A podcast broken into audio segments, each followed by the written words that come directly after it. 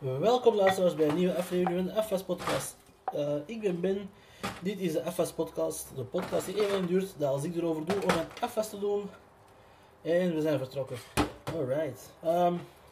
Ja, deze, ik hoop echt zo, deze is eigenlijk echt zo een onderhoudend FS'je, dus niet zo een echt een FS, snap? Dat is zo... Op de duur beginnen we wel zo door te hebben. Eigenlijk moeten we gewoon er tussendoor zoiets kort een FS'je doen. Ook al is dat niet... Zie, dat is het ding. Je ofwel dan een propere FS of een, voet, grotere voetafdruk, een ecologische voetafdruk. Omdat je... eh, Kijk, je kunt altijd zeer zorgzaam omspringen met je water dat je dan hebt. Ehm, maar... Je aanrecht is wel proper. En sommige dagen willen gewoon een proper aanrecht. Voilà.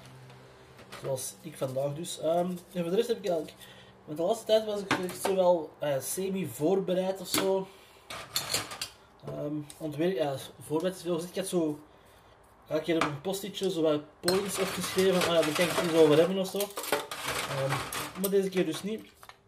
Eh, dus ja, maar ik weet ook niet meer echt zo goed waar ik eigenlijk allemaal op gezegd. Het is ook zo in de vakantieperiode. Er is veel tijd tussen. Ehm, dus ja, dan laat ik maar beginnen waar ik denk dat ik nog niet heb gezegd.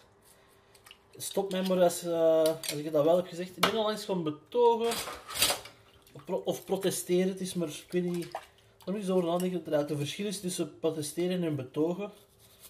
Een protest kan ook natuurlijk iets niet per se een betoging. Ja, voilà, ik heb het eigenlijk al zelf opgelost. Omdat in Antwerpen, dat is misschien ook wel leuk en natuurlijk voor de reden te weten. In Antwerpen is er een kruispunt dat eerst conflictvrij was. Of het niet, niet was, dan wel, dan weer niet. Een beetje gelijk een knipperlicht eigenlijk. Ehm, maar de laatste keer, en dan is er een dodelijk ongeval gebeurd. ehm, op dat kruispunt. Omdat er een beslissing is genomen van, nee, we gaan dat toch terug. eh, het verkeer moet rollen, het verkeer Iedereen moet vlot door Antwerpen kunnen razen. Buiten de bewoners zelf. Die moeten gewoon maar stilstaan en wachten tot alle toeristen erdoor zijn ge- gejaagd. Of dagtoeristen die met een auto naar hier komen en niet gewoon een trein pakken.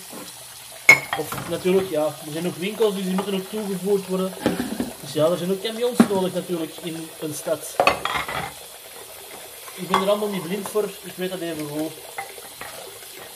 Maar vanuit verschillende burgergroepen is er al wel een punt gekomen van misschien moeten we dan inderdaad- werken met zo van die tijdsperiodes dat er wel zwaar verkeer mag, dat dan liefst niet tijdens de schooluren is. Dat zou toch wel vriendelijk zijn.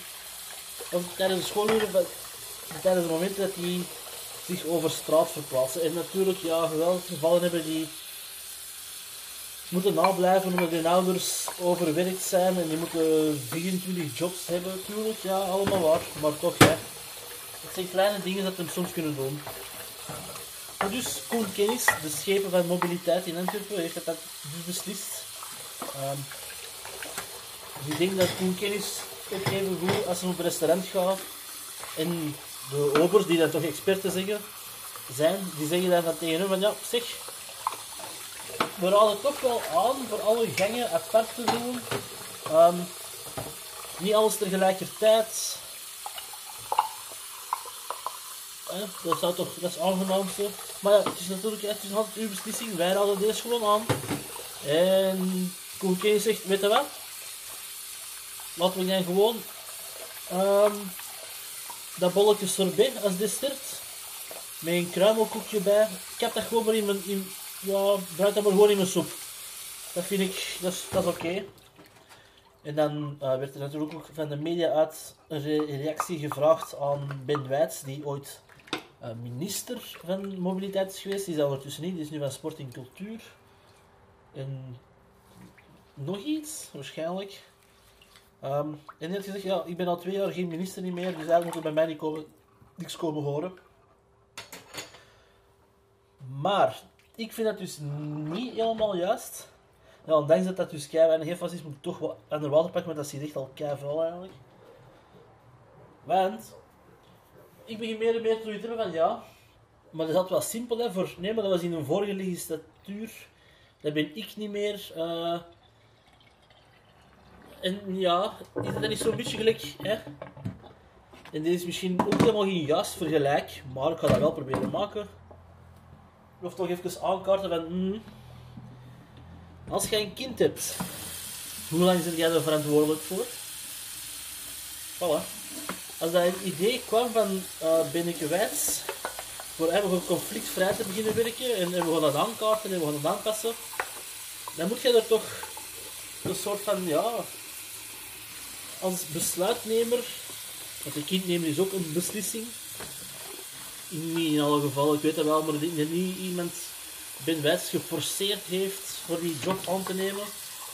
Die is een politieker, daar hebben ze zelf voor gekozen. Dus ik zeg niet heel de vergelijking gaat op, niet heel de metafoor. Ja, is correct, maar toch, probeer even mee te volgen. En dat, dat, dat er dan zoiets moet inkomen zoals politiekers die wel, bijvoorbeeld, eh, zeg maar iets, vijf jaar nadat ze een ambt hebben gehad, dus de wetten die ze dan erdoor hebben gestemd, of aanpassingen, of decreten, of welke naam het ook allemaal mag hebben, dat je er altijd wel verantwoordelijk voor kunt gesteld worden.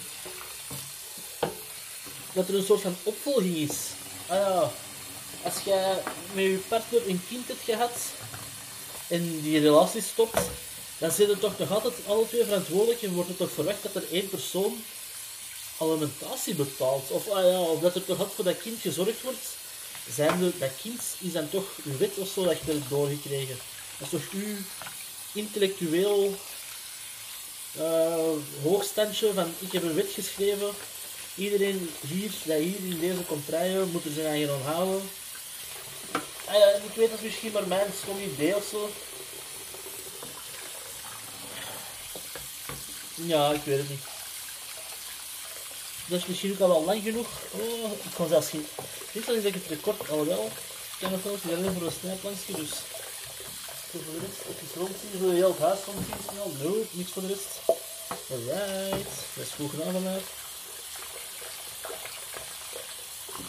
Ja, dus daarmee, dan zat ik zo aan mensen van, ja, kunnen we dat niet? Of, of is dat, eh, niet dat ik, ik zeg, ik kan hier heel veel ideeën lanceren, maar op zich ben ik altijd maar gewoon iemand dat een afwas doe.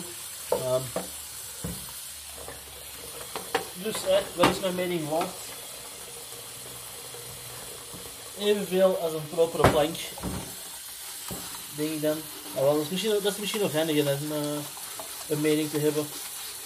En natuurlijk, ik zeg dat nu. En als ik zelf minister zou zijn, zou ik dat ook niet willen, want... Maar toch, ja, dat wringt bij mij. Dat, dat, dat, gewoon zo simpel wordt afgeschoven van nee, maar dat is niet mijn beslissing, dus me. En dat geldt dan voor alle partijen. Hè. Die, en ik weet ook niet wanneer dat je dat moet in laten gaan, maar ja, ooit is... Zijn er beslissingen genomen die ook vanaf de eerste keer op, vanaf hier dan, en vanaf nu is deze iets. Ehm, Oké, dat was eigenlijk best een single issue vandaag. Eh, ja, toch? Ja? ja. Ja, nee, dan in het begin zo wat twijfel over hoe, heb ik er al gezegd. Maar dus, ehm, ja, ik heb geprotesteerd, ik heb gebetoogd, maar een betoging is... Ah, wacht even. Een betoging is een protest, maar niet alle protesten zijn een betoging. Valasse, daar zijn we. Ehm, goed, in ieder geval, dit was de podcast. Bedankt voor het luisteren en tot de volgende.